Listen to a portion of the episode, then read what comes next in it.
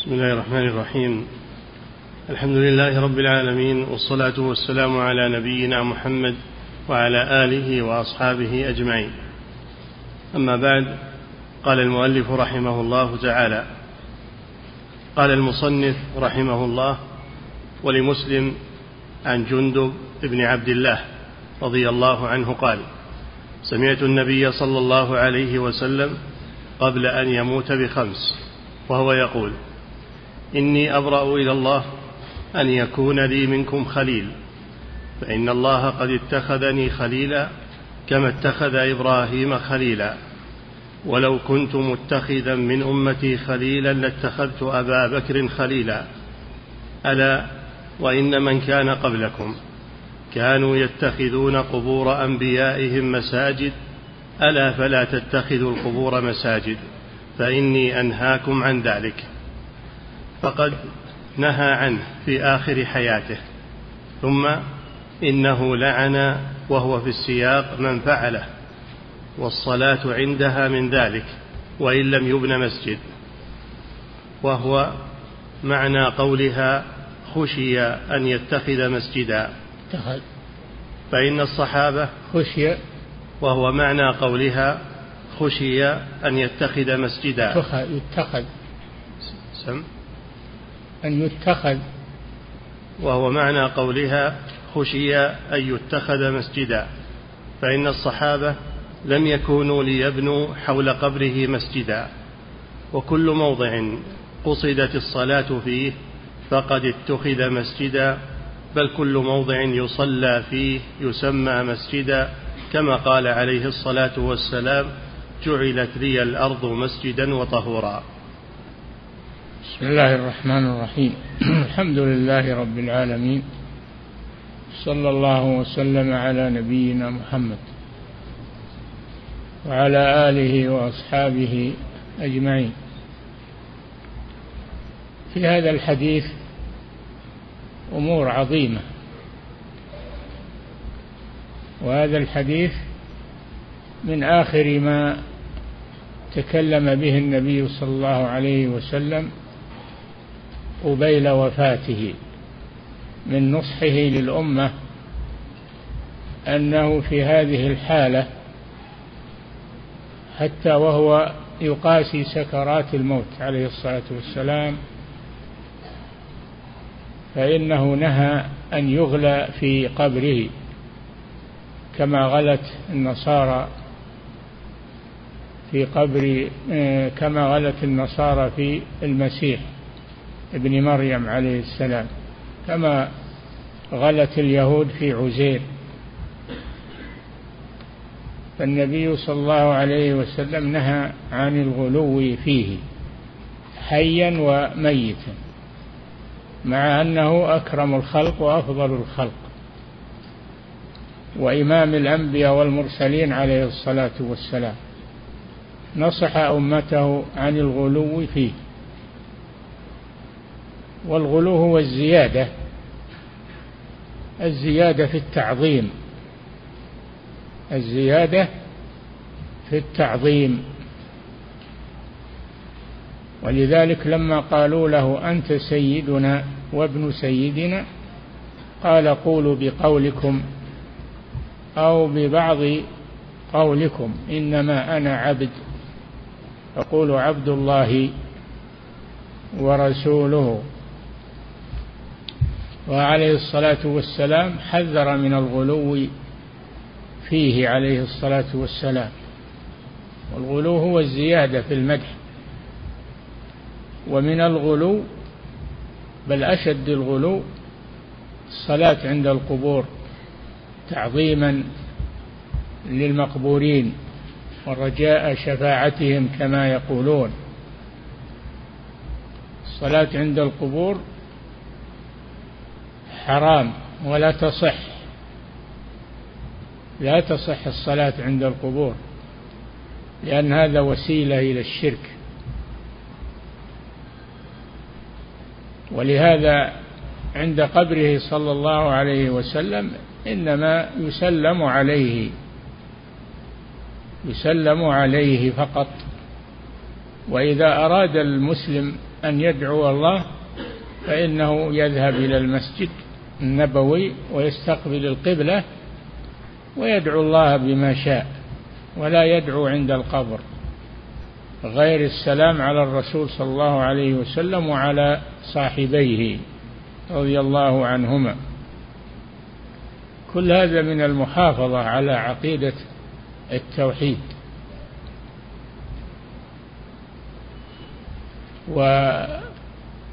والناس كما تعلمون في الأمصار وفي البلاد الأخرى ابتليت بالغلو في القبور والغلو في قبور الصالحين. إلا هذه البلاد لأنها مهبط الوحي ومنبع الرسالة فقد من الله عليها بدعوة الشيخ الإمام محمد بن عبد الوهاب رحمه الله. المجدد الذي جاء بالدعوة إلى التوحيد والنهي عن الغلو بجميع أشكاله فكانت هذه البلاد ولله الحمد خالية من تعظيم القبور والعكوف عندها والذبح لها والنذر لها لأنها قبلة المسلمين. وما يفعل فيها سيتخذ في في بقية البلاد يتخذ قدوة. الحمد لله الذي حمى بلاد التوحيد ومنبع الرسالة ومهبط الوحي حماها من الغلو في القبور ابتداء من قبره صلى الله عليه وسلم قبر صاحبيه. قبور أصحابه في البقيع. كل هذا من فضل الله ومنه على هذه البلاد التي هي تحمل لواء الدعوة إلى التوحيد وهي القدوة لبقية بلاد المسلمين في مشارق الأرض ومغاربها. وفي هذا الحديث أنه صلى الله عليه وسلم قبل أن يموت بخمس. قيل خمس ليالي.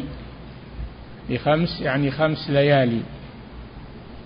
قال حذر أمته. قال إن من كان قبلكم يعني من اليهود والنصارى كانوا يبنون ويتخذون القبور مساجد.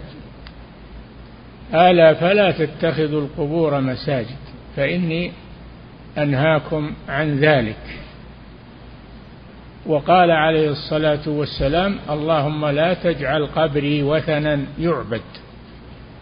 لا تجعل قبري وثنا يعبد. استجاب الله دعاءه وحماه بأن دفن في بيته عليه الصلاة والسلام. ولم يبرز قبره مع أصحابه في البقيع. الله جل وعلا حماه ببركة دعوته. قولها اللهم لا تجعل قبري وثنا يعبد. وهذا من نصحه لله ولكتابه ولأمته عليه الصلاة والسلام. قال ابن القيم فأجاب رب العالمين دعاءه. وأحاطه بثلاثة الجدران. بثلاثة الجدران. فهو وقع قبره في مثلث بين بين جدران ثلاثة مسنمة. لا يستقبلها يعني مسنمة من جهة الشمال حيث لا يستطيع أحد أن يصلي إلى القبر لأنه مسنم البناء مسنم فلا يستطيع أن يستقبل القبر في صلاته. وهذا من إجابة دعوة الرسول صلى الله عليه وسلم. فالحاصل أن أنه صلى الله عليه وسلم قال إن الله اتخذ اتخذني خليلا. اتخذني خليلا كما اتخذ إبراهيم خليلا. والخليل هو الذي هو الذي بلغ غاية المحبة عند الله سبحانه وتعالى. والخلة لم تحصل من الله لأحد إلا لإبراهيم عليه السلام واتخذ الله إبراهيم خليلا. وإلا نبي نبينا محمد صلى الله عليه وسلم كما قال إن الله اتخذني خليلا. كما اتخذ إبراهيم خليلا. وحذر صلى الله عليه وسلم قال إن من كان قبلكم كانوا يتخذون القبور مساجد. مساجد يعني يصلون عندها ولا ولو لم يبن مسجد. لأن من صلى في مكان فقد اتخذه مسجدا ولو مؤقتا. ولهذا قال صلى الله عليه وسلم جعلت لي الأرض مسجدا وطهورا يعني صالحة للصلاة فيها. وكل من صلى في مكان فقد اتخذه مسجدا ولو مؤقتا. فالصلاة لا تجوز عند القبر ولا إلى القبر وهي باطلة لأنها صلاة منهي عنها.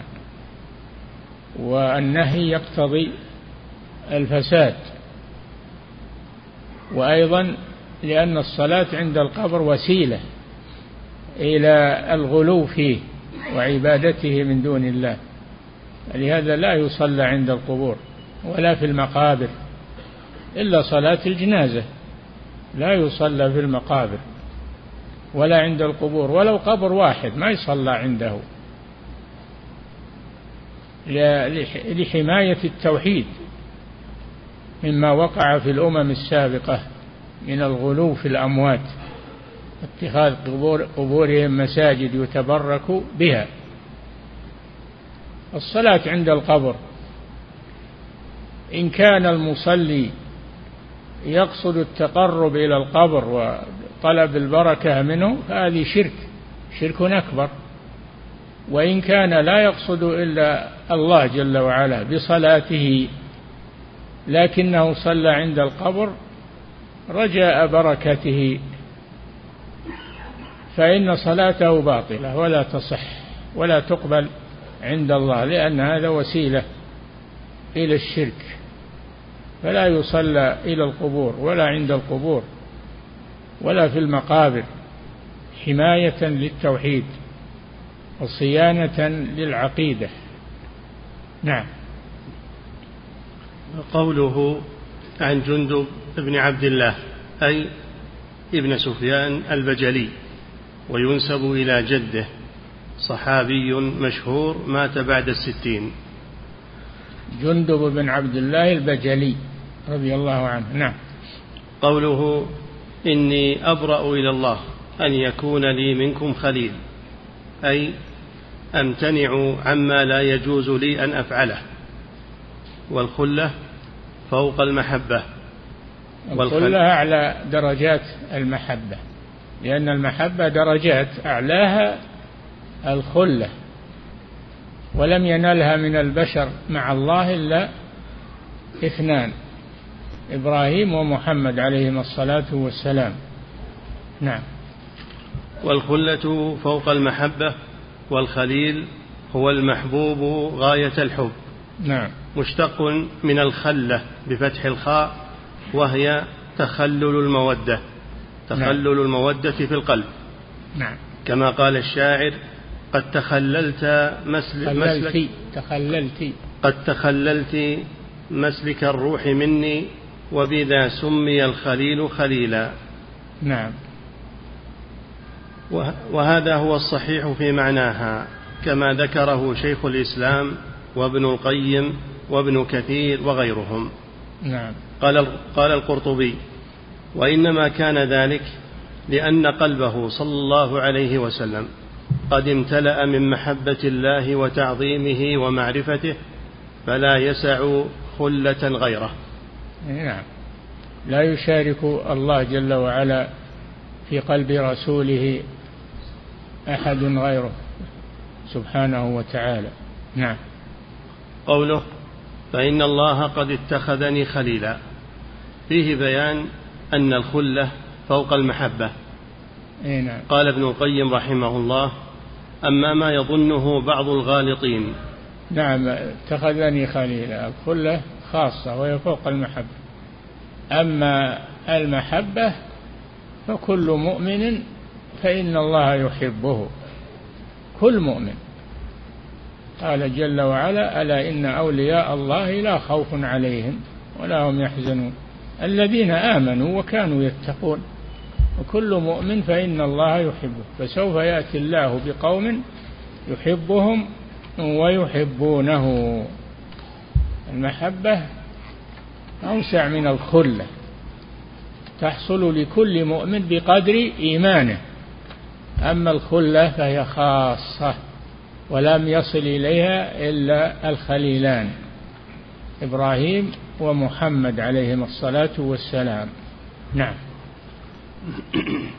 قال ابن القيم رحمه الله أما ما يظنه بعض الغالطين من أن المحبة أكمل من الخلة وأن إبراهيم خليل الله ومحمد ومحمد وأن إبراهيم خليل الله ومحمدا حبيب الله فمن جهلهم. اي نعم محمد يقولون محمد حبيب الله وإبراهيم خليل الله. فمحمد أفضل من إبراهيم لأن المحبة أعلى من الخلة وهذا غلط. غلط على اللغة وغلط على الشرع. فإن الخلة هي أعلى درجات المحبة. نعم.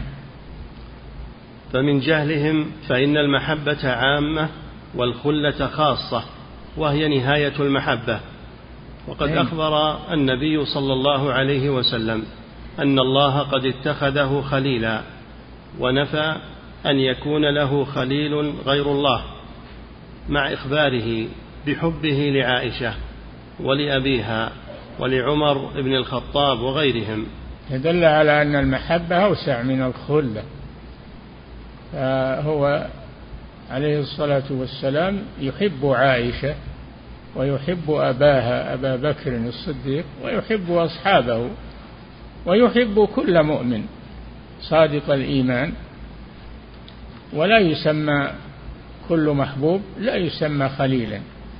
نعم. وأيضا فإن الله سبحانه يحب التوابين ويحب المتطهرين ويحب الصابرين. هذا عام. يحب التوابين كل تواب. ويحب المتطهرين. فكل متطهر من الذنوب والمعاصي ومتطهر من الأحداث والأنجاس. فإن الله يحبه. فالمحبة أوسع. نعم. وأيضا فإن الله يحب التوابين ويحب المتطهرين ويحب الصابرين. وخلته خاصة بالخليلين. أي نعم المحبة واسعة والخلة مخصوصة بالخليلين محمد وإبراهيم ومحمد عليهما الصلاة والسلام. نعم. قوله ولو كنت متخذا من أمتي خليلا لاتخذت أبا بكر خليلا.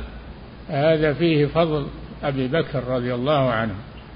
فضيلة أبي بكر وأنه أفضل الأمة أن أبا بكر هو أفضل الأمة رضي الله تعالى عنه لأن الرسول لو اتخذ خليلا من أهل الأرض لاتخذ أبا بكر خليلا. نعم. قوله ولو كنت متخذا من أمتي خليلا لاتخذت أبا بكر. الرسول لم يتخذ خليلا من أمته ولو اتخذ اتخذ أبا بكر. مع أنه يحب كل المؤمنين يحب الصحابة ويحب المهاجرين والأنصار ويحب كل المؤمنين. وأما الخلة فلا لم يتخذ خليلا من أمته نعم. لأن الله اتخذه خليلا والخلة لا تقبل الاشتراك.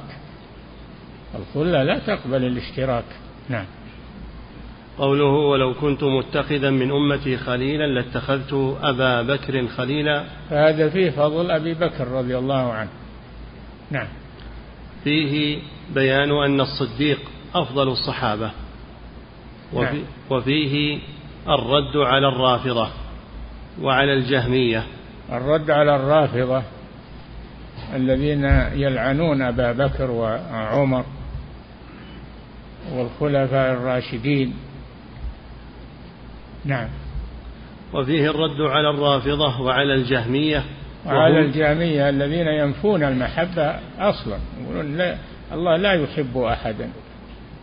الله لا يحب أحدا. لأن المحبة ميل في القلب وإلى ما يعللون به.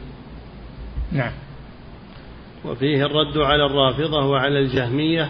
وهما شر أهل البدع. الرافضة هم غلاة الشيعة سموا رافضة لأنهم رفضوا زيد رفضوا زيد بن محمد بن أبي بكر الصديق لما لم يوافقهم على البراءة من أبي بكر وعمر قالوا إذا نرفضك فرفضوه رفضوا زيد لأنه لم يتبرأ من أبي بكر وعمر. نعم. وهما شر أهل البدع وأخرجهم هذا الرافضة. وأما الجهمية فهم أتباع الجهم.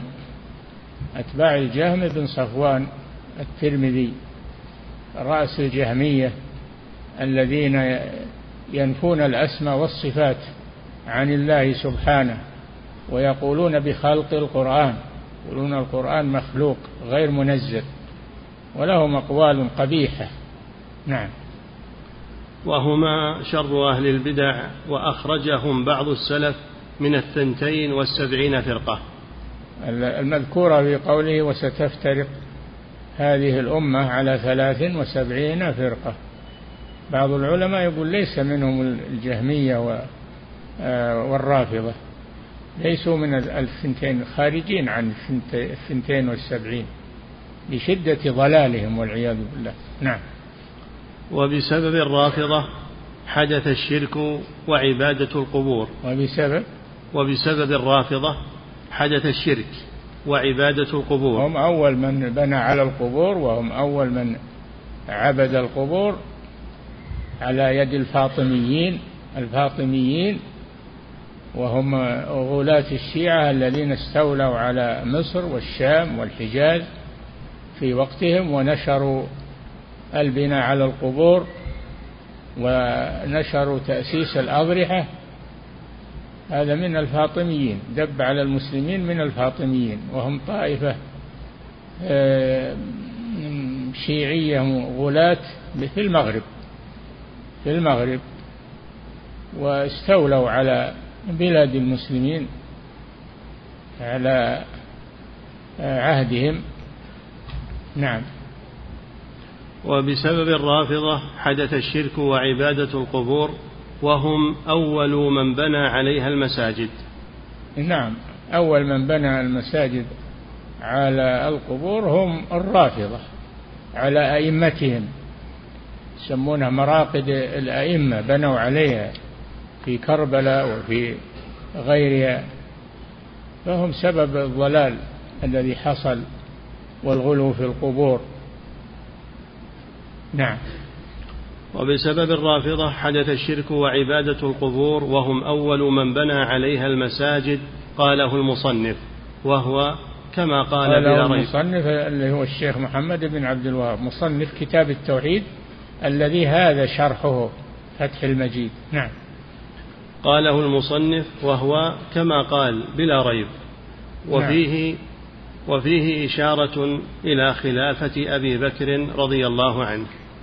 اي نعم يقول لو كنت متخذا من أهل الأرض خليلا اتخذت أبا بكر خليلا. قال هذا عند وفاته. فهذه من الإشارات لأن أبا بكر اختاره الصحابة اختيارا ولم يعهد إليه الرسول صلى الله عليه وسلم ولكن الرسول أعطى إشارات تدل على أنه هو الخلافة الخليفة من بعده. منها أنه استخلفه على الصلاة. استخلفه على الصلاة في مرضه.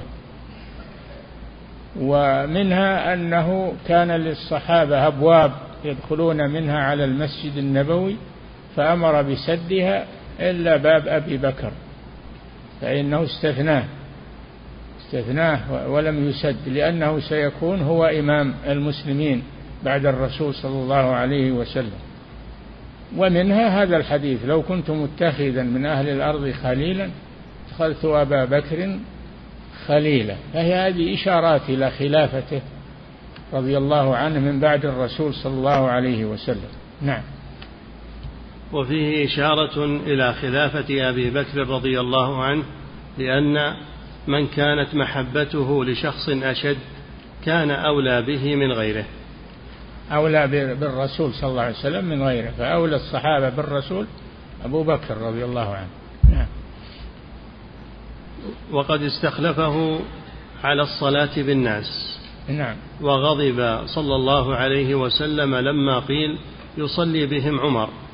وذلك نعم لأن لما مرض الرسول صلى الله عليه وسلم وثقل قال مروا أبا بكر فليصلي بالناس.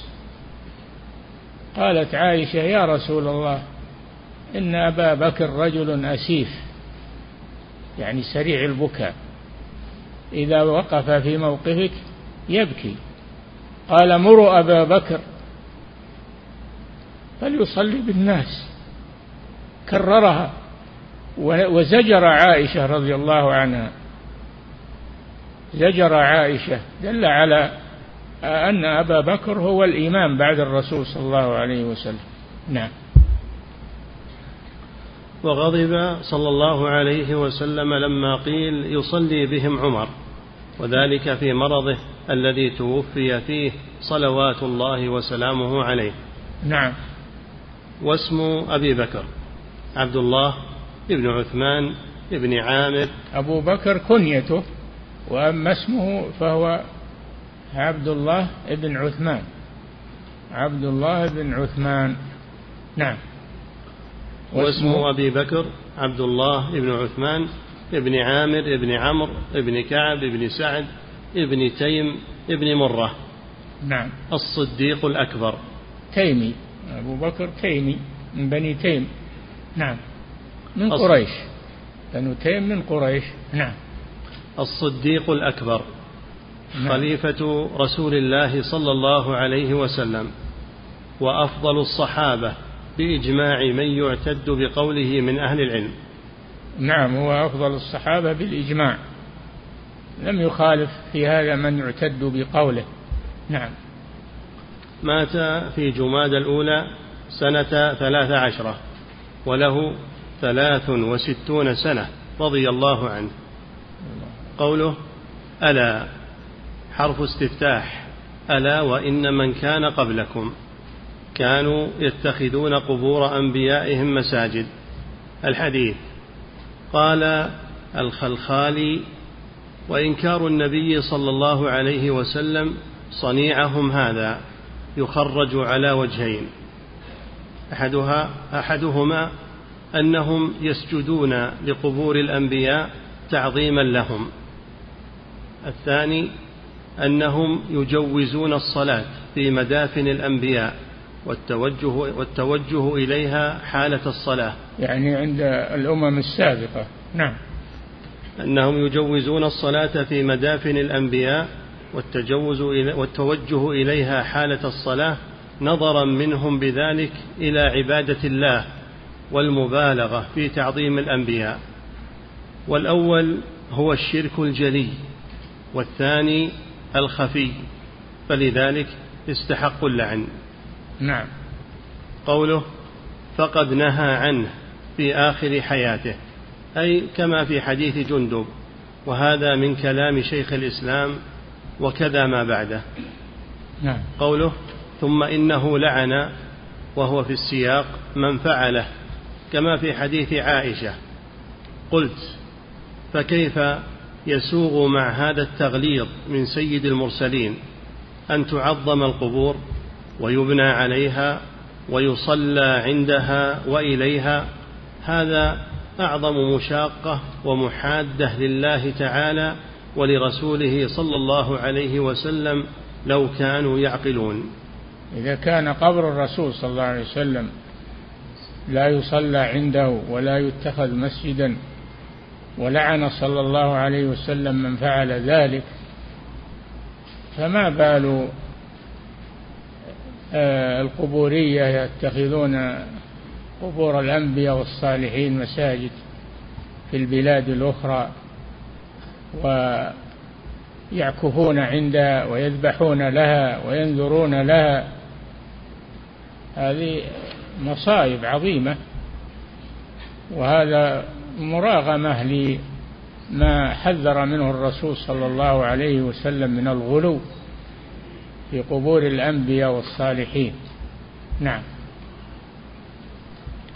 قوله الصلاة عندها من ذلك وإن لم يبن مسجد أي من اتخاذها مساجد الملعون فاعله وهذا يقتضي تحريم الصلاة عند القبور وإليها. أي نعم عند القبور يعني سواء استقبلها أو لم يستقبلها أو إليها يستقبلها وهذا أشد. نعم. وعن أبي سعيد الخدري رضي الله عنه مرفوعا الأرض كلها مسجد إلا المقبرة والحمام. الأرض كلها مسجد يعني صالحة للصلاة. جعلت لي الأرض مسجدا وطهورا يتيمم من ترابها ويصلي فيها. هذا من تيسير الله على هذه الأمة. إلا القبور وما حولها فلا يصلى عندها. حماية للتوحيد. نعم. آه، فيه سبعة مواطن تحرم الصلاة فيها منها المقابر ومنها قارعة الطريق ومنها المزبلة ومنها الحمام ومنها إلى آخره سبعة مواطن. نعم. الأرض كلها مسجد إلا المقبرة والحمام رواه أحمد وأهل السنن وصححه ابن حبان والحاكم. نعم. قال ابن القيم رحمه الله تعالى وبالجملة فمن له معرفة بالشرك وأسبابه وذرائعه وفهم عن رسول الله صلى الله عليه وسلم مقاصده جزم جزما لا يحتمل النقيض أن هذه المبالغة واللعن والنهي بصيغتيه صيغة لا تفعلوا وصيغة إني أنهاكم عن ذلك. لا تتخذوا هذه لا تفعلوا لا تتخذوا القبور. ثم قال إني أنهاكم عن ذلك. نعم. أن هذه المبالغة واللعن والنهي بصيغتيه صيغة لا تفعلوا وصيغة إني أنهاكم عن ذلك ليس لأجل النجاسة بل لأن في من يقول أن النهي عن الصلاة عند القبر أو في المقابر مخافة النجاسة لأن صديد الأموات شوف الكلام الفارغ صديد الأموات ينتشر في الأرض وتكون نجسة. وين صديد الأموات؟ وربما يكون ميت له آلاف السنين. وين الصديد؟ لكن الكلام الباطل يفضح نفسه. ويفضح صاحبه. نعم. ليس لأجل النجاسة بل هي لأجل نجاسة الشرك اللاحقة لمن عصاه. إنما المشركون نجس. نعم نجاسة لكنها نجاسة الشرك. وليست النجاسة الطارئة الحكمية. نعم. بل هي لأجل نجاسة الشرك اللاحقة لمن عصاه وارتكب ما عنه نهاه واتبع هواه ولم يخش ربه ومولاه وقل نصيبه أو عدم من لا إله إلا الله. فإن هذا وأمثاله من النبي صلى الله عليه وسلم صيانة لحمى التوحيد أن يلحقه الشرك ويغشاه وتجريد له وغضب لربه أن يعدل به سواه. فأبى المشركون إلا معصية لأمره وارتكابا لنهيه وغرهم الشيطان بأن هذا تعظيم لقبور المشايخ والصالحين. وكلما كنتم لها أشد تعظيما وأشد فيهم غلوا كنتم بقربهم أسعد ومن أعدائهم أبعد. يقولون كذا يقولون وكلما كنتم وكلما كنتم لها أشد تعظيما. يقولون كذا نعم. وأشد فيهم غلوا. كنتم بقربهم أسعد ومن أعدائهم أبعد. ولعمر الله من هذا الباب دخل على عباد يغوث ويعوق ونسر. ومن ولعمر الله من هذا الباب دخل على عباد يغوث ويعوق دخل, دخل يعني الشيطان نعم. ولعمر الله من هذا الباب دخل على عباد يغوث ويعوق ونسر ودخل على عباد الأصنام. منذ كانوا إلى يوم القيامة. نعم لا تذرن آلهتكم. قال قوم نوح لا تذرن آلهتكم ولا تذرن ودا ولا سواعا ولا يغوث ويعوق ونسر. هذه أسماء رجال صالحين من قوم نوح.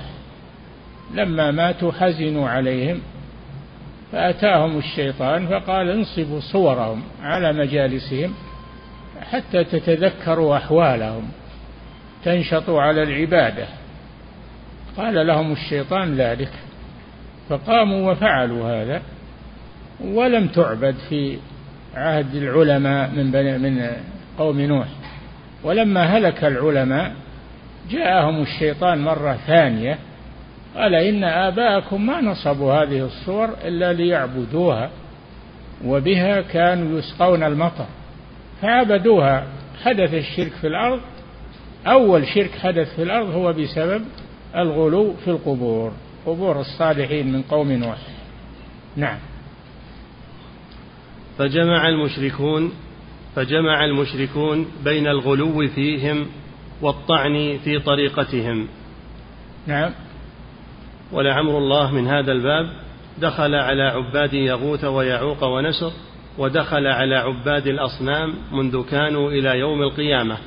فجمع المشركون بين الغلو فيهم والطعن في طريقتهم فهدى الله أهل التوحيد لسلوك طريقتهم وأنزلهم منازلهم التي أنزلهم الله إياها. لأن طريقة الأنبياء النهي عن الغلو في القبور هؤلاء طعنوا حتى في طريقة الأنبياء وخالفوها. نعم.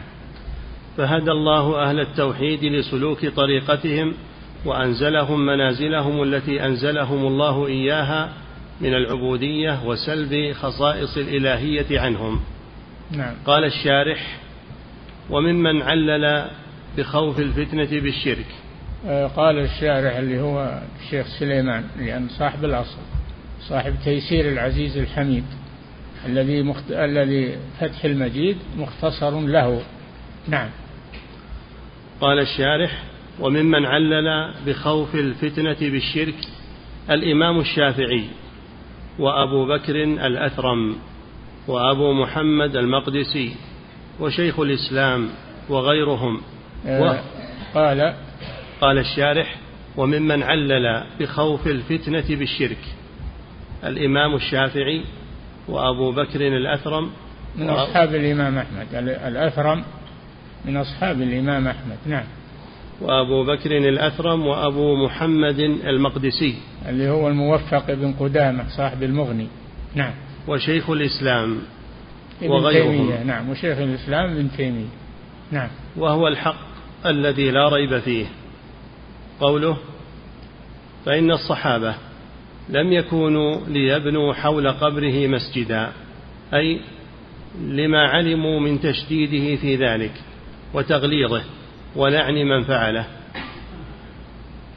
نعم. قوله وكل موضع قصدت الصلاة فيه فقد اتخذ مسجدا.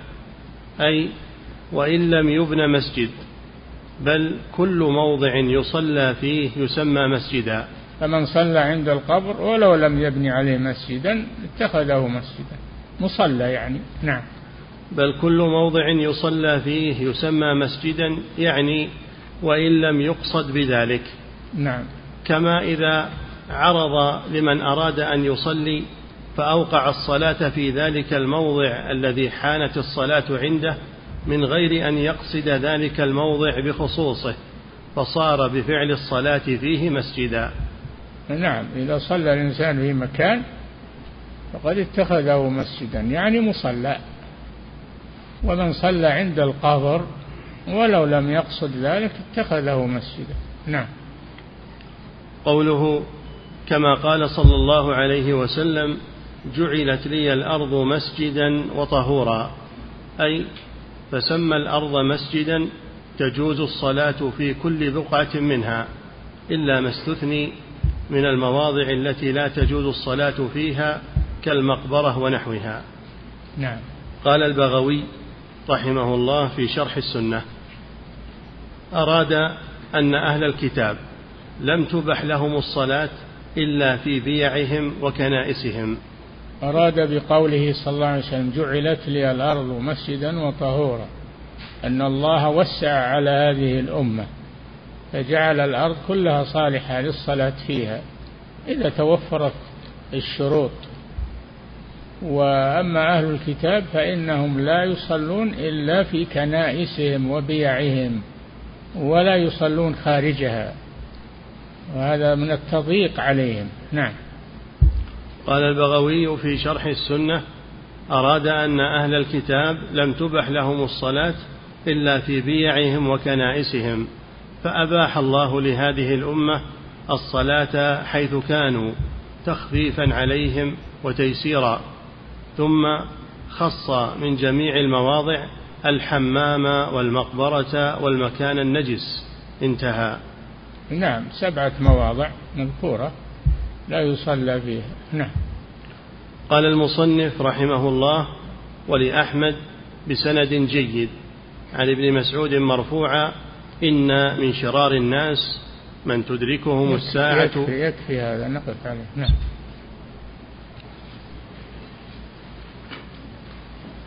فضيلة الشيخ وفقكم الله. هذا سائل يقول هل يقال عن أبي بكر الصديق رضي الله عنه إنه خليل الله؟ لا. ما يقال إلا لإبراهيم ومحمد عليهما الصلاة والسلام. نعم. فضيلة الشيخ وفقكم الله هذا سائل يقول يقول بعضهم أباح وجود القبر داخل المسجد وجعل ذلك متمسكا لمن يريد أن يعرف قدر علم الشيخ عنده ومقدرته. يقول هل هذا المتمسك وهذا القول صحيح؟ إيش؟ يقول بعضهم جعل وجود القبر داخل المسجد جعل ذلك متمسكا لمن يريد أن يعرف قدر علم الشيخ عنده ومقدرته. يقول هل هذا المتمسك وهذا القول صحيح؟ هذا كلام باطل هذا كلام باطل. يعني لو بغينا نظهر فضل هذا الشيخ وعلم هذا الشيخ ومكانته ندفنه في المسجد؟ من قال هذا؟ هذا سبب للشرك. ما هو بسبب لإظهار فضل هذا الشيخ بل هو سبب للشرك. نعم. والغلو هذا غلو في هذا الشيخ. نعم. فضيلة الشيخ وفقكم الله. يقول كيف نرد على من يقول إن المساجد المقصودة في قوله عليه الصلاة والسلام ألا وإن من كان قبلكم كانوا يتخذون قبور أنبيائهم مساجد ليس المقصود بها مساجدنا التي نصلي فيها؟ مصليات تسمى مساجد اتخذوها مساجد يعني مصليات وعرفتم أن من صلى في مكان فقد اتخذه مسجدا وإن لم يبنى نعم. فضيلة الشيخ وفقكم الله هذا سائل يقول هل تصح الصلاة إلى القبر؟ لا لا يصح استقبال القبر. يعني هذا وسيلة إلى الشرك. ما يصلى عنده ولا حتى لو خلى القبر خلف ظهره. ما يجوز هذا. عند القبر ما يجوز. لا لا أمامه ولا خلفه ما يجوز هذا. ولا عن يمينه ولا عن شماله. أرضية القبر ما يصلى فيها. نعم. فضيلة الشيخ وفقكم الله يقول هذا السائل يقول كيف نرد على من يقول بأن قبر الرسول صلى الله عليه وسلم هو داخل المسجد النبوي فكذلك يجوز غيره؟ ما هو داخل المسجد النبوي في الأصل؟ إنما دفن الرسول صلى الله عليه وسلم في بيته خارج المسجد ولكن لما جدد بناء المسجد في عهد خلفاء بني أمية أدخل القبر في المسجد. وكان هذا في إمارة عمر بن عبد العزيز رحمه الله على المدينة. فأدخلوه في المسجد لأجل حمايته لأنه لو كان بارزا لحصل عنده الفتنة أشد. فهم هذا قصدهم وإن لم يوافقوا على ذلك ما ما وافقهم العلماء في وقتهم على ذلك وإنما هذا أمر دولة أمر آه، والي. فأدخلوا القبر في المسجد حماية له بزعمهم. نعم. فضيلة الشيخ وفقكم الله. هذا سائل يقول هل هناك فرق بين المعتزلة والجهمية؟ الجهمية أشد من المعتزلة. نعم في فرق. الجهمية أضل الفرق والعياذ بالله بل أخرجهم بعض العلماء من الإسلام. أما المعتزلة فهم أقل شرا منهم على ما فيهم من الشر لكنهم أقل من الجهمية. نعم. فضيلة الشيخ وفقكم الله هذا سائل يقول هل الرافضة هم الذين رفضوا زيد بن علي؟ هذا أصل التسمية وإلا صار الرافضة اسم لكل لكل شيعي ولكن هذا الأصل يعني. نعم. فضيلة الشيخ وفقكم الله هذا سائل يقول يقول الصوفية يقولون أنكم تنهون عن أن نتخذ قبور الصالحين والأولياء يقول أن الصوفية. يقول يقول الصوفية إنكم تنهون إيه؟ أن نتخذ قبور الصالحين والأولياء أن نتخذها شفعاء ومساجد. الرسول هو اللي نهى عن ذلك ما هو بحنا. الرسول هو اللي نهى عن ذلك. نعم. ثم يقول حفظك الله ويقولون ويوم القيامة كلنا نطلب من النبي صلى الله عليه وسلم الشفاعة فكيف الجمع بين هذا وهذا؟ هذا طلب من حي الرسول حي يوم القيامة طلب الشفاعة من حي يقدر على الدعاء والمراد بالشفاعة الدعاء وهو يقدر على الدعاء وهو حي. أما أن يطلب من الميت الدعاء أو الشفاعة هذا لا يجوز. نعم. فضيلة الشيخ وفقكم الله هذا سائل يقول هل يشرع أن يلعن من اتخذ القبور مساجد فإذا رأيت رجلا يصلي صلاة فإني أقوم بلعنه؟ بلعنه؟ نعم. لا ربما يكون جاهل ولا يدري بين له أولا فإذا أصر يستحق اللعنة. نعم.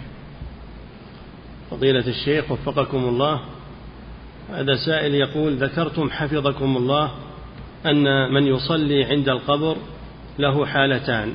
الحالة الأولى أن يريد التقرب للميت فهذا كفر. والثانية أن يريد التقرب لله لكن ببركة الميت فهذا ذريعة إلى الشرك. يقول هذا وسيلة إلى الشرك وبدعة هذا بدعة ووسيلة إلى الشرك. نعم.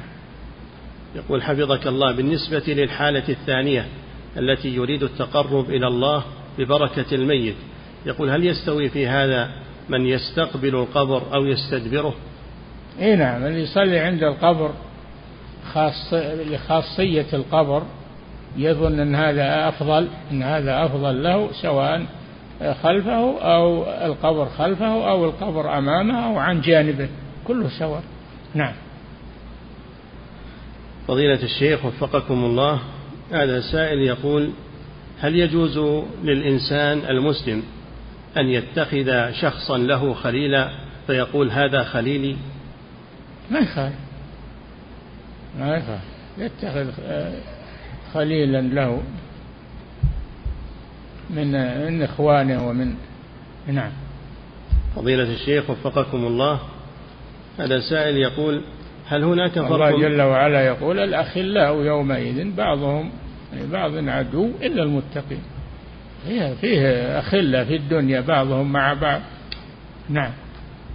إلا المتقين. المتقين فيهم أخلة وليس هذا مذموما عندهم. نعم. فضيلة الشيخ وفقكم الله لسائل يقول هل هناك فرق بين الشرك الخفي والشرك الأصغر؟ الشرك الأصغر هو الشرك الخفي. لا فرق بينهما. لكن قد يكون الشرك الأصغر يكون ظاهرا وقد يكون خفيا ينقسم إلى قسمين شرك أصغر ظاهر وشرك أصغر خفي. نعم. فضيلة الشيخ وفقكم الله هذا سائل يقول ذكرتم حفظكم الله أن صلاة الجنازة تستثنى وأنه يجوز أن تصلى في المقبرة. نعم. يقول السائل هل للشخص أن يذهب مرارا ويصلي على الميت يصلي على ميت واحد ما يكرر الصلاة عليه. إذا صلى عليه خلاص حصل المطلوب. لماذا يكررها؟ نعم. فضيلة الشيخ وفقكم الله هذا السائل يقول هل صحيح أن الصلاة لا تصح في معاطن الإبل وما العلة في ذلك؟ نعم نهى الرسول صلى الله عليه وسلم عن الصلاة في معاطن الإبل. لأن قد تأتي الإبل وهو يصلي فتؤذيه أو يحصل منها ضرر عليه. هذه ناحية. الناحية الثانية ذكروا أن الإبل تخالطها الشياطين. الإبل فيها شدة وقوة تخالطها الشياطين بخلاف الغنم فيها السكينة والهدوء. لذلك يصلى في مرابض الغنم. نعم.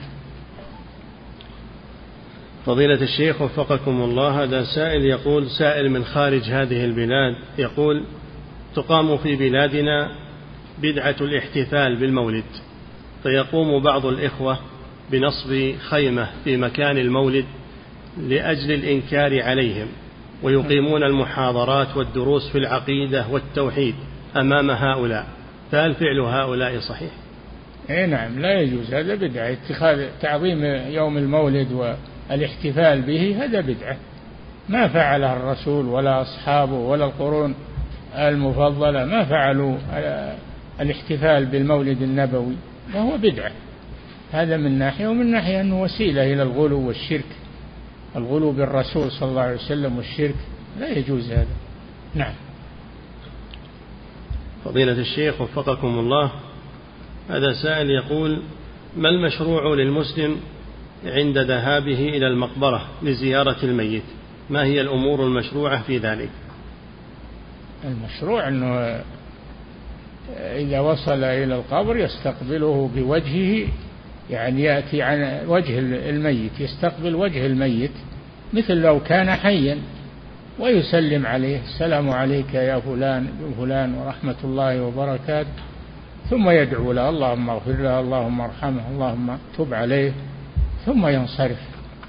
نعم. فضيلة الشيخ وفقكم الله هذا سائل يقول يقول هل يجوز للمسلم أن يذهب إلى بلاد الكفار لأجل العمل هناك مع إظهاره لدينه؟ نعم إذا احتاج إلى العمل هناك مع تمسكه بدينه فلا بأس بذلك. إذا احتاج إلى هذا ما في عمل في بلاد المسلمين. ووجد عمل هناك. لا بأس طلب الرزق مع تمسكه بدينه. يجوز يسافر للتجارة يشتري ويبيع ويعقد مع الشركات. يجوز السفر إلى بلاد المشركين للعلاج الذي لا يوجد إلا عندهم. يجوز السفر بل يستحب أو يجب السفر إلى الدعوة إلى الله. نعم. فضيلة الشيخ فضيلة الشيخ وفقكم الله إذا كان القبر في الساحة الخارجية للمسجد فهل تجوز الصلاة في هذا المسجد؟ لا. ما تجوز الصلاة في المسجد الذي عنده قبر أو في ساحته. لا تجوز الصلاة. نعم. فضيلة الشيخ وفقكم الله. إن كان المسجد هو الأول والقبر مدفون فيه بعد ذلك فينبش القبر. وإن كان القبر هو السابق فيهدم المسجد. نعم. فضيلة الشيخ وفقكم الله هذا سائل يقول عند زيارتي للمسجد النبوي هل يجب علي وجوبا أن أذهب للسلام على رسول الله صلى الله عليه وسلم وعلى صاحبيه؟ ما يجب لكن يستحب هذا. إنك إذا صليت في المسجد النبوي وأنت جاي من بعيد أنك تسلم على الرسول صلى الله عليه وسلم وعلى صاحبيه أما من يتردد على المسجد النبوي هو مقيم في المدينة أو ساكن في المدينة فلا يذهب إليه كل ما دخل يذهب يسلم على الرسول. ما كان الصحابة يعملون هذا. إنما هذا للقادم من بعيد من سفر. نعم. فضيلة الشيخ وفقكم الله هذا سائل يقول هل يباح للداعية إلى التوحيد أن يذهب إلى المساجد التي فيها قبور ويصلي مع المصلين ثم يقوم بعد ذلك وينصحهم بالنسبة لهذا الأمر؟ لا ما يصلي معهم لأن الصلاة باطلة ولا تصح عند القبور. نعم. فضيلة الشيخ وفقكم الله هذا سائل يقول هل يجوز أن يؤخذ العلم عمن لا يبدع الجهم ابن صفوان؟ لا ما يؤخذ عنه العلم. الذي لا يبدعه معناه أنه سوغ ما هو عليه و... فلا يجوز هذا. هذا مبتدع. نعم. فضيلة الشيخ وفقكم الله هذا سائل يقول هل يمكن أن يقع السحر من الساحر بدون وقوعه في الشرك؟ ما يحصل السحر إلا بالكفر. السحر تعلم وتعليم كفر. إنما نحن وما يعلمان من أحد حتى يقول إنما نحن فتنة فلا تكفر. يعني لا تتعلم السحر. دل على أن تعلم السحر وتعليمه كفر والعياذ بالله. لأن الساحر ما يصل إلى سحره إلا بالشرك والاستعانة بالشياطين الاستعانة بالجن. نعم. فضيلة الشيخ وفقكم الله هذا سائل يقول يقول والدي مريض مرضا نفسيا وطالت معه مدة المرض فأشار إلينا بعض الأقرباء بأن نذهب إلى امرأة وقال إنها تعرف علاجا لمثل هذه الأمراض فإذا أعطيتها اسم الأم فإنها تخبرك بما في والدك وتصف العلاج. يقول هل يجوز الذهاب هذا فعل هذا؟ فعل المشعوذين لا يجوز. وش علاقة الأم ومعرفة الأم؟ هذا مريض عازب وش تبي بأمه تسأل عنه ولا أبوه ولا جده؟ هذه شعوذة. نعم. فضيلة الشيخ وفقكم الله هذا سائل يقول الناس لما أصابهم الجدب في عهد عمر بن الخطاب رضي الله عنه قالوا اللهم إنا كنا نتوسل إليك بنبينا صلى الله عليه وسلم فتسقينا وإنا نتوسل إليك بعم نبينا فأسقنا. يقول ما المراد بالتوسل هنا؟ الدعاء. توسل الدعاء. دعاؤه توسل به يدعو لهم. ولهذا قال قال عمر رضي الله عنه قم يا عباس فادعو وإننا نتوسل إليك بعم نبينا فاسقنا. قم يا عباس فادعو. نعم. فضيلة الشيخ وفقكم الله هذا سائل يقول ما توجيهكم حفظكم الله لمن لا يحرص على دراسة العقيدة وخصوصا ما يتعلق بالقدر خوفا من الزلل وكثرة الشكوك ويقول لنكن على عقيدة العجائز بدون تعمق. يقول ما التوجيه في ذلك؟ نترك عقيدة الرسول ونبقى على عقيدة العجائز الجاهلات. كلام باطل. نتعلم العقيدة ندرسها نفهمها. لئلا نقع في ضدها أو ما يخل بها. نعم. فضيلة الشيخ وفقكم الله هذا سائل يقول ما الحكم في من يطوف على القبور ويدعو أصحابها أن يشفعوا له عند الله ليتحقق مقصوده. هذا شرك. هذا شرك. الطواف بالقبور ما يجوز الطواف في مكان أو على شيء إلا بالكعبة المشرفة. ما يجوز الطواف في شيء على وجه الأرض إلا بالكعبة المشرفة التي هي بيت الله العتيق. فلا يجوز الطواف بالقبور. إن كان يطوف بالقبور يتقرب إليها فهذا شرك أكبر. وإن كان يطوف بها بنية أن طوافه لله عبادة لله هذا بدعة ولا يجوز. نعم. فضيلة الشيخ وفقكم الله في الحديث عن رسول الله صلى الله عليه في الحديث عن رسول الله صلى الله عليه وسلم من سن في الإسلام سنة حسنة. فله أجرها وأجر من عمل بها إلى يوم القيامة. يقول يستدل بهذا بعض أهل البدع في أن أورادهم وما يصنعونه هو من السنن الحسنة التي تقرب إلى الله. فكيف الجواب عن ذلك؟ نقول ليس من السنن الحسنة هذا من البدع القبيحة ليس من السنن الحسنة. سن في الإسلام سنة حسنة ما سبب الحديث؟ أن الرسول صلى الله عليه وسلم حث على الصدقة. جاءه ناس محتاجون حاجة شديدة فأمر بلالا فأذن فاجتمع الناس وصلى بهم ثم حثهم على الصدقة. فجاء رجل بادر رجل من الحاضرين بصرة من الدراهم من من من الذهب عجزت عنها يده فوضعها بين يدي الرسول. صلى الله عليه وسلم. فسر الرسول صلى الله عليه وسلم وأشرق وجهه من السرور وقال من سن في الإسلام سنة حسنة تتابع الناس. لما رأوا هذا الرجل تتابعوا بصدقاتهم. فصار هو آه، سن لهم الصدقة والمبادرة إليها.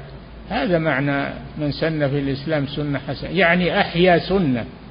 من سن في الإسلام يعني أحيا سنة تركها الناس أو غفلوا عنها. نعم. فضيلة الشيخ وفقكم الله هذا سائل يقول بعض أهل العلم يرى كفر الخوارج لأنهم يكفرون المسلمين فهل معنى هذا القول أنهم منهم أهل العلم اللي يكفرون الخوارج؟ منهم ما ما يك... الخوارج ما يكفرون لكنهم غلاة. هم اللي كفروا أهل السنة وأهل السنة لا يكفرونهم. نعم. فضيلة الشيخ وفقكم الله هذا سائل يقول كيف نستفيد مما عند الكفار من الأمور الدنيوية والتطور دون الوقوع فيما يخل بالعقيدة؟ هذا من المباح يا أخي الصناعات والمخترعات والملابس والأقمشة والسيارات والطائرات هذه للمسلمين أصلها للمسلمين. قل من حرم زينة الله التي أخرج لعباده والطيبات من الرزق؟ قل هي للذين آمنوا. قل هي للذين آمنوا في الحياة الدنيا خالصة يوم القيامة. فأصلها للمسلمين. شاركهم الكفار فيها في الدنيا. في الآخرة تكون خالصة لهم ما يشاركهم فيها الكفار. نعم.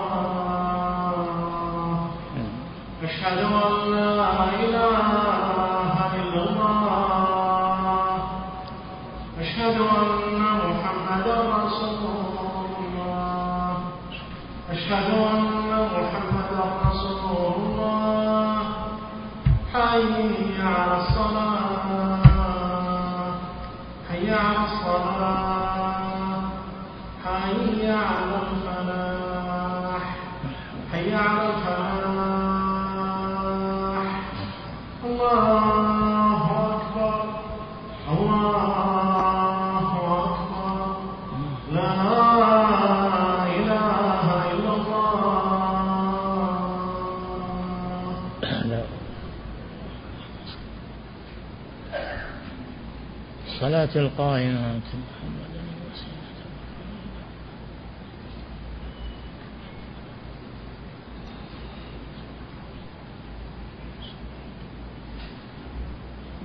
نعم فضيلة الشيخ وفقكم الله هذا أعاد سؤال الداعية الذي يذهب إلى نعم. المساجد التي فيها قبور يقول؟ أقول أعاد سؤاله عن الداعية الذي يذهب إلى المساجد التي فيها قبور فيقول هل يجوز للداعية أن يصلي في هذه المساجد بنية الإعادة ثم يقوم وينصحهم؟ لا لا. إذا صلى عليها فقد وافقهم في الظاهر ولا يجوز هذا. نعم. فضيلة الشيخ وفقكم الله هذا سائل يقول هل هذا التقسيم صحيح؟ وهو أن الأدلة النقلية هي الكتاب والسنة والإجماع والأدلة العقلية هي القياس والاستحسان والمصالح المرسلة. هل هذا تقسيم صحيح للأدلة؟ منها هذه؟ من الأدلة العقلية. هذه من الأدلة العقلية وليست هي مخصوصة بها. نعم الأدلة العقلية كثيرة. نعم. فضيلة الشيخ وفقكم الله هذا سائل يقول إنه سكن في دار فأصابه وأهله أصابتهم المصائب والأمراض. فتشاءموا من هذه الدار وخرجوا منها فهل يخل هذا بعقيدتهم؟ لا. الله يخلق بعض الأماكن وبعض الأشخاص وبعض الدواب شريرة فإذا أصابه ضرر من شيء يبتعد عنه. الحمد لله وسع الله للمسلمين يبتعد عنه حتى يطمئن ويزول عنه الشكوك والوساوس. نعم. فضيلة الشيخ وفقكم الله. هذا سائل يقول هل يجوز الترضي عن غير الصحابة؟ فأقول عن فلان من أصحابي فلان رضي الله عنه. يعني إذا قاله بعض الأحيان لا بأس أما يداوم على هذا فلا يجوز إلا في حق الصحابة. لكن قوله بعض الأحيان ما في بأس. نعم. فضيلة الشيخ وفقكم الله. هذا سائل يقول ما حكم قول الإنسان عند إتيان ضيف إليه يقول تباركت علينا أو زارتنا البركة. زارتنا البركة لا بأس هذا من باب تفاؤل. وأما تباركت علينا فلا يجوز إطلاق هذا اللفظ تبارك إلا على الله سبحانه وتعالى. نعم.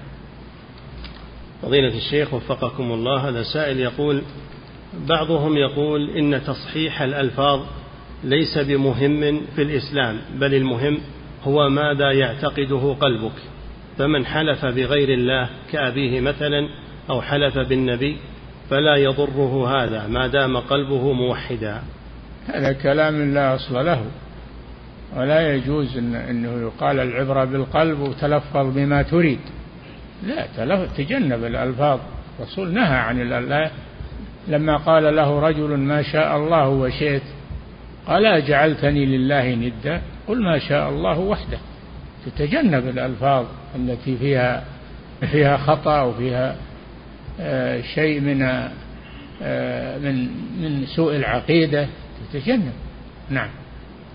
فضيلة الشيخ وفقكم الله هذا سائل يقول ورد عن النبي صلى الله عليه وسلم النهي عن الحلف بغير الله. يقول كيف يوجه ما ثبت عنه عليه الصلاة والسلام أنه قال أفلح وأبيه إن صدق. هذا يوجه بأمرين إما أن هذا كان قبل النهي كانوا في الأول يحلفون بآبائهم في أول الإسلام ثم نهوا عن ذلك. هذا محمول على أنه كان قبل النسخ وقبل النهي. أو أنه جرى على لسانه من غير قصد. جرى على لسانه من غير قصد الحلف. نعم. فضيلة الشيخ وفقكم الله. هذا سائل يقول ما حكم الخوض في مسألة التفضيل بين الصحابة رضوان الله عليهم؟ ما حكم؟ الخوض في مسألة التفضيل. الإيش الخوض أن يخوض الخوض إيه؟ في التفضيل بين الصحابة رضوان الله عليهم وأيهم أفضل من بعض. هل هذا مشروع؟ إن كان في هذا تنقص للمفضول فلا يجوز. أما إذا كان هذا من باب الواقع وليس تنقصا للمفضول فلا بأس. نعم. فضيلة الشيخ وفقكم الله هذا سائل يقول يقول ما الضابط في هجر أهل البدع؟ متى يهجرون ومتى لا يهجرون؟ إذا أظهروا البدعة إذا أظهروا البدعة ولم يتوبوا منها بعد النهي نهيهم وبيان البيان لهم يهجرون. نعم. فضيلة الشيخ وفقكم الله هذا سائل يقول مسألة القول بفناء النار أو عدمه والتعمق في ذلك هل ينصح به لطالب العلم المبتدئ وما الراجح فيها؟ لا لا ما يجوز الدخول في هذا. إيش يدخلك بالنار وفناء النار أو أو خلود النار؟ ما لك دخل في هذا. ما فيك الله. نعم.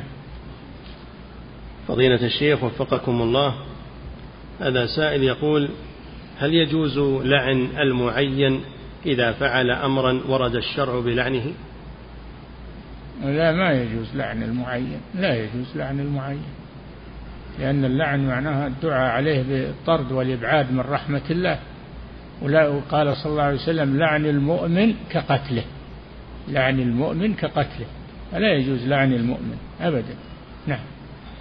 فضيلة الشيخ وفقكم الله من يقول ادرسوا عند المبتدعة وخذوا ما عندهم من العلم والخير ودعوا عنهم بدعتهم واتركوا بدعهم. يقول هل يوافق على هذا القول؟ لا ما إحنا غير المبتدعة ما إحنا علماء غير المبتدعة. الحمد لله العلماء آه، السنيون والمستقيمون كثيرون. فاذهب إلى أهل الخير وأهل الأصل وأهل الدين وأهل السنة. اذهب إليهم. نعم. فضيلة الشيخ وفقكم الله هذا سائل يقول إذا وجدت من من ينشد الضالة في المسجد يقول هل أدعو عليه مباشرة أن لا يرد الله ضالته أم أنصحه وأعلمه فقد يكون جاهلا؟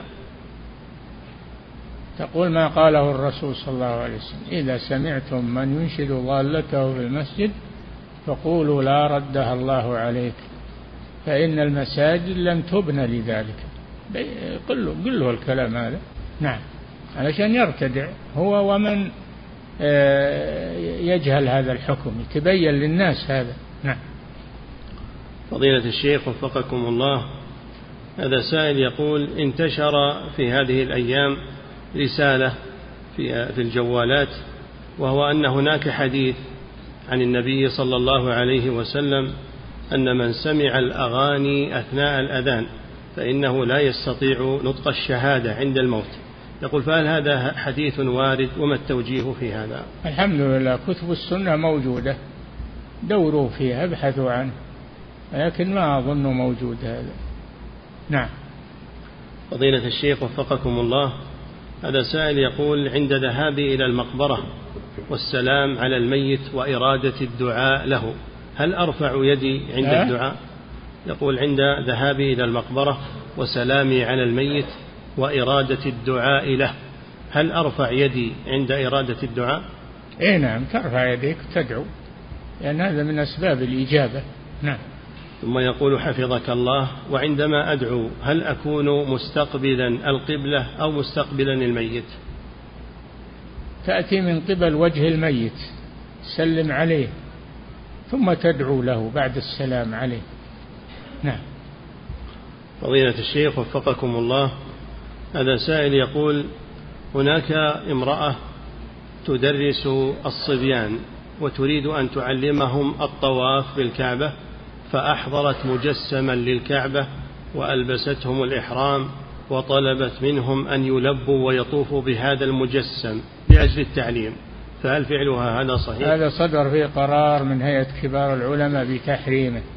وأنه لا يوضع مجسم للكعبة في أي مكان. لا يجوز هذا لأنه يعتقد فيه من الجهال ومن اللي ما يعلمون هذا يعتقدون أن هذا له أجر الكعبة ومثل الكعبة. فلا يتخذ مجسم للكعبة أبدا. نعم. فضيلة الشيخ وفقكم الله هذا سائل يقول كيف يجمع الإنسان بين خوفه من العين عند إخباره بما عنده من الخير وبين قوله سبحانه وأما بنعمة ربك فحدث. اي نعم. حدث ولا كما أمره الله بأن الله أنعم عليه. وهذا من شكر النعمة. التحدث بها ظاهرا والاعتراف بها باطنا وصرفها في طاعة الله هذا أركان الشكر. نعم. فضيلة الشيخ وفقكم الله هذا سائل من فرنسا يقول إمام المسجد عندنا في فرنسا قرر أن نصلي الجمعة قبل الزوال بساعة خاصة في الصيف لتسهيل أعمال العمال في الشركات من المسلمين. يقول لأن لو صليناها بعد الزوال فكثير من هؤلاء العمال المسلمين لن يحضروا. يقول فما الحكم في هذا؟ لا يجوز له أن يفتي هذا يرجع فيه إلى دار الإفتاء وإلى العلماء. يرسل لهم سؤال ويسألهم عن هذا. أما أنه يفتي؟ لا.